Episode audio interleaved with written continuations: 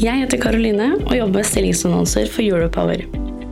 Europower har mer enn 7000 abonnenter, og podkasten du nå lytter til, har mer enn 300 ukentlige lyttere. Hvis du er på jakt etter ny jobb, se stilling.europower.no. Ta også gjerne kontakt med meg dersom du ønsker å annonsere ledige IT-stillinger i fornybar energibransje. UTC er Underwater Technology Conference, så det er en subsea-konferanse hvor vi møtes alle sammen fra subsea-industrien for å snakke om teknologien vår og hvordan vi tar den inn i fremtida og de tingene som skjer. I år så er vi veldig inne på dette med energy transition, eller uh, endring av energimiksen som skal være i verden, og hvordan vi spiller en rolle der i forhold til vår subsea-teknologi, både innenfor olje og gass, men også hvordan vi tar andre områder. Du, Pia, visste at det ble utsolgt i fjor da vi samlet IT-beslutningstagere i energibransjen på energibransjens IT-konferanse? Ja, det visste jeg. Vi måtte jo si stopp rundt 215 deltakere. Eh, men fortvil ikke. Eh, den 26.9 så samler vi på ny hele flokken for å dele erfaringer og bygge nettverk. Og Vet du hvem som er sponsorer og som skal delta på scenen i debatter i år, da? Ja, er, er ikke det Statnett, Elhub, Elvia, Lede og Embrik? Jo, og så er det Microsoft, Itera, Bouvet, DNV, Elmera Group. Så må vi ikke glemme da Nodes, Segal og PwC. Uh, og sponsorene har allerede kjøpt opp mer enn 150 av deltakerplassene, så dette blir garantert årets viktigste møteplass for de som jobber med IT i energibransjen. Så ta en titt på teknologioptimistene.no for mer informasjon. Men nå er det nok reklame for energibransjens IT-konferanse. Skal vi ikke komme i gang med podkasten, Pia? Jo, vet du hva, la oss gjøre det. Du lytter til Teknologioptimistene fra Europower Partner. Redaksjonen i Europower har ikke medvirka i denne produksjonen. Hei og velkommen til podkasten Teknologioptimistene, en podkast for IT-beslutningstagere i fornybar energibransje. Innledningsvis så hørte du Rune Vestkjær, Vice President Subsea Energy Transition and Low Carbon Solutions i Aker Solutions. Han leder også programkomiteen på Underwater Technology Conference, eller UTC som konferansen så populært kalles. Jeg heter Skjul Kristian Aamodt og jobber i Europower, Norges ledende nyhetstjeneste for fornybar energibransje. Og for mer enn 20 år siden så utdannet jeg meg faktisk til sivilingeniør i marinteknikk, med fokus på hydrodynamikk subsea. Og for meg så er denne episoden eh, litt spesiell. Det er nesten som å komme litt hjem, for jeg var nylig invitert til Bergen for å lede paneldebatten på UTC. Og i den forbindelse så tok vi en rundtur med omvisning hos ulike subsea-aktører. Eh, og da var jeg spesielt interessert i å høre hvordan vi kan nyttiggjøre oss av teknologi og kompetanse fra subsea over til fornybart. Actually, gas from Ormen Lange covers about 20% of UK's gas consumption. So it's really important in terms of energy security. Først så tok jeg en prat med Amos Howard, som er vice president SLS i Aker Solutions. So this uh, site we do the full spectrum of uh, subsea services. So we do everything from maintenance and upgrades onshore, and then we follow the entire life of a well. So uh, from installation, uh, installing uh, top pole, wellhead equipment, Christmas trees, and things like that, to maintenance of wells, and then all the following it all the way to plug and abandon at the end. Så lurte jeg litt på, er gullalderen i subsea over? Hva med eh, morgendagens helter? Har de en plass i industrien? Yeah, so it's really important now, uh, especially in this time, that we build up the next generation of uh, of the industry. So we have uh, we've recruited uh, quite a few uh, engineers right from right from school that are working side by side some of our uh, uh, most experienced engineers uh, through onboarding programs, and we actually do a special thing where all engineers, new engineers that come in, they work in the workshop for four weeks. So they get a hands-on experience with the equipment. They know what the equipment looks like and, and know uh, know what to talk about the equipment, so that they can be ready ready to work with some of our senior engineers. So. Uh, and uh, I work in a, a, news magazine for renewables. Yeah. Uh, you, you, work in the oil and gas industry. Isn't the oil and gas industry about to finish? Yeah, well, I think uh, the, the, first uh, our first focus is to reduce the carbon footprint of producing oil and gas, right? So uh, a lot of things we do. Uh, so we highlight today, for example, our, uh, our refurbishment of Christmas trees. So instead of building a whole new uh, Christmas tree out from new parts, new materials, then we can refurbish an old one and put it out in the ocean again. That cut down on the carbon footprint. We also have a lot of uh, focus in the in the site here of reducing uh, carbon footprint We've gone over to all electric uh, forklifts. Uh, we're going over uh, removing diesel from our uh, our work and things like that. And there's also some incredible opportunities within renewables and subsea. Subsea isn't just about oil and gas. Subsea is about things that happen under the ocean. So from uh, subsea transfer, uh, transformators, pumps, and other things like that. There's a lot of technology that we can use some of the the the um, competence that we're building here uh, towards that new industry. So, so you see a, a, bridge from the oil and gas into the renewables also here uh, at your plant? Yeah, definitely. It's uh, it's uh, it's the same competence. It's uh, so as long as we're working under the ocean, whether we're putting on uh, oil equipment or uh, renewables equipment, we can do it here at this site. Amos Howard i Aker Solutions får støtte av Ove Hagesæter, som er CEO i GCE Ocean Technology. Ja, Der er det en stor bro. Eh, veldig mye kompetanse og direkte teknologi som brukes fra subsea, eller eh, undervannsteknologi for olje og gass, og til fornybart. F.eks. For tidevannskraft, flytende havvind og, og, bølgekraft. Dette handler jo om teknologi under vann. Store deler, og mange vesentlige komponenter på en, på en flytende vindmølle er jo under vann. Det skal overvåkes, det skal ankres opp. Det er materialteknologi, sensorteknologi, kommunikasjon osv. Så, videre. så fryktelig mye av dette er overførbart og allerede utviklet grunnteknologier for eh, i forbindelse med subsea olje og gass.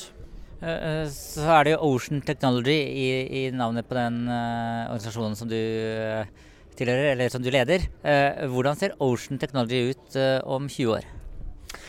Teknologien som sådan, eh, det skjer, en, det skjer en rivende utvikling. Det er mange eh, hva skal jeg si, ukjente faktorer, teknologier, som man fremdeles må kode og knekke. En av de store som man jobber mye med, er jo kommunikasjon under vann. Det finnes ingen wifi under vann. Så kommunikasjon av data i, for, i forbindelse med autonome enheter og systemer er et viktig område. Her kommer det til å skje mye i årene eh, fremover. Sånn at man kan få ulike komponenter under vann til å snakke sammen, og ikke minst transformere data opp som kan analyseres.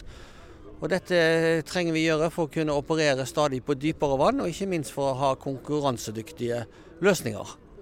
Så her er det veldig mye som kommer til å skje de nærmeste årene. En stor og rivende utvikling som trenger veldig mye flinke fagfolk i de kommende årene.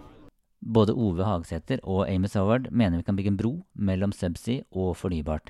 Og det mener også Helge Sverre Eide. Blue Logic er et selskap som leverer forskjellige utstyr til droner og ROV-er som flyr på sjøbånd.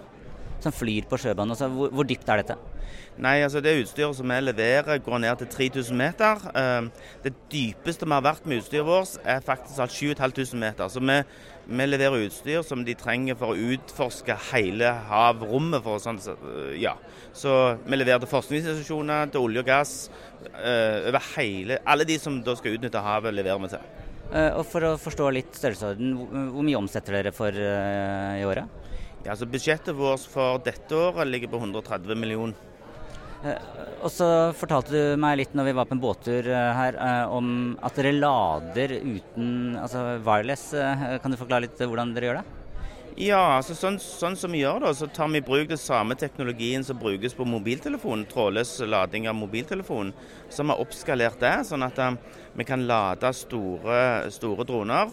Um, og, og, da lader vi med 2,5 kW, uh, som gjør uh, at uh, dronene kan bo resident på havbunnen. og så, så, er spørsmålet. dere satser nå, eller har et startup inn i fornybart. Kan du forklare hva det er? Ja, så, så, så, det er klart olje og gass har da finansiert den utviklingen av den teknologien. Um, og så så vi nå det kaoset som var med sparkesykler. Så sier vi kan vi bruke den subsea-teknologien innenfor mobilitet, mikromobilitet. Og så har vi lagd en løsning eh, der vi kan eh, der brukeren parkerer sykkelen, sparkesykkelen eller elsykkelen, og så blir han lada. Eh, og, og, det som er fordelen med den induktive, det er at du har dataoverføring i samme grensesnittet. sånn at du kan drive med firmware-upgrade, du kan gjøre forskjellige ting over samme ladeinterfacen som, som du setter på sykkelen. Men vil dere klare å tjene like mye penger på lading av elsparkesykler som dere gjør i olja? Ja, for det, det, det, som er utfordringen med subsea, det er one-off. Altså Det er veldig få ting som blir lagt, mens innenfor sparkesykkel så er det volum. Eh, så da eh, kan kostnaden komme ned betydelig fordi at du får et volum.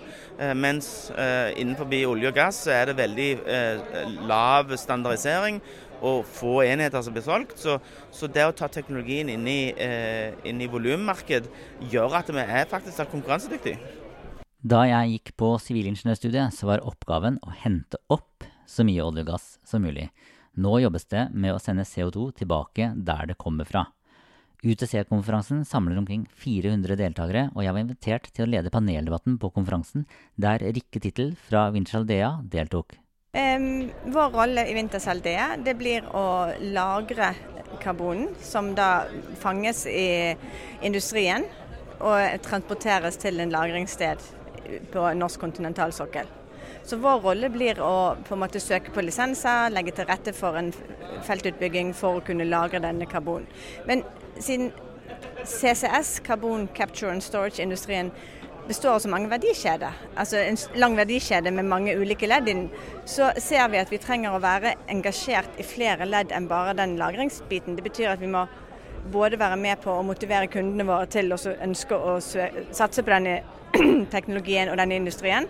Og også legge til rette for transport og eventuelt terminaler for opp, midlertidig lagring av CO2 før du kan lagre det permanent eh, under sjøbunnen.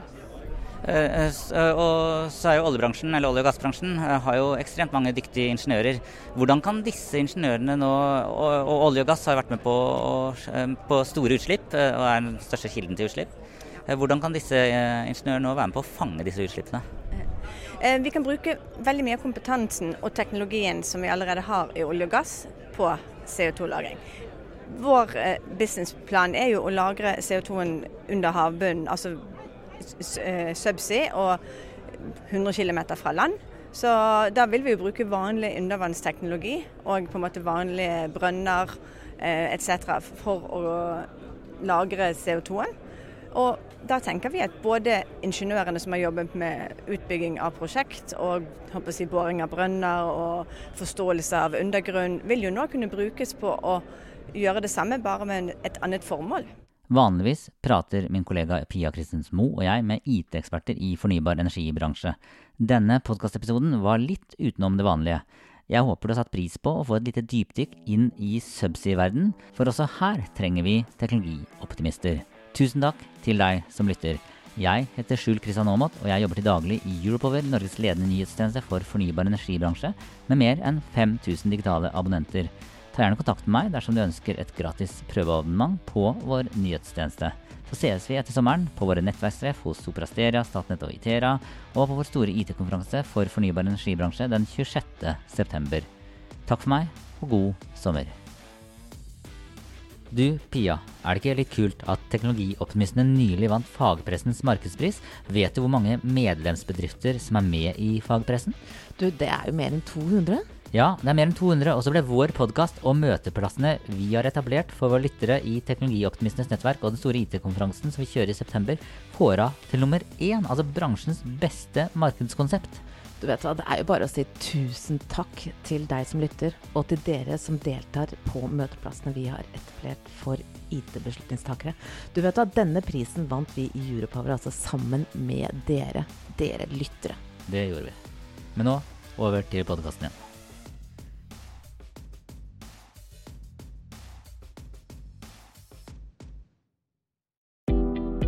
Jeg heter Karoline og jobber med stillingsannonser for Europower. Europower har mer enn 7000 abonnenter, og podkasten du nå lytter til, har mer enn 300 ukentlige lyttere. Hvis du er på jakt etter ny jobb, se stilling.europower.no. Ta også gjerne kontakt med meg dersom du ønsker å annonsere ledige IT-stillinger i fornybar energibransje.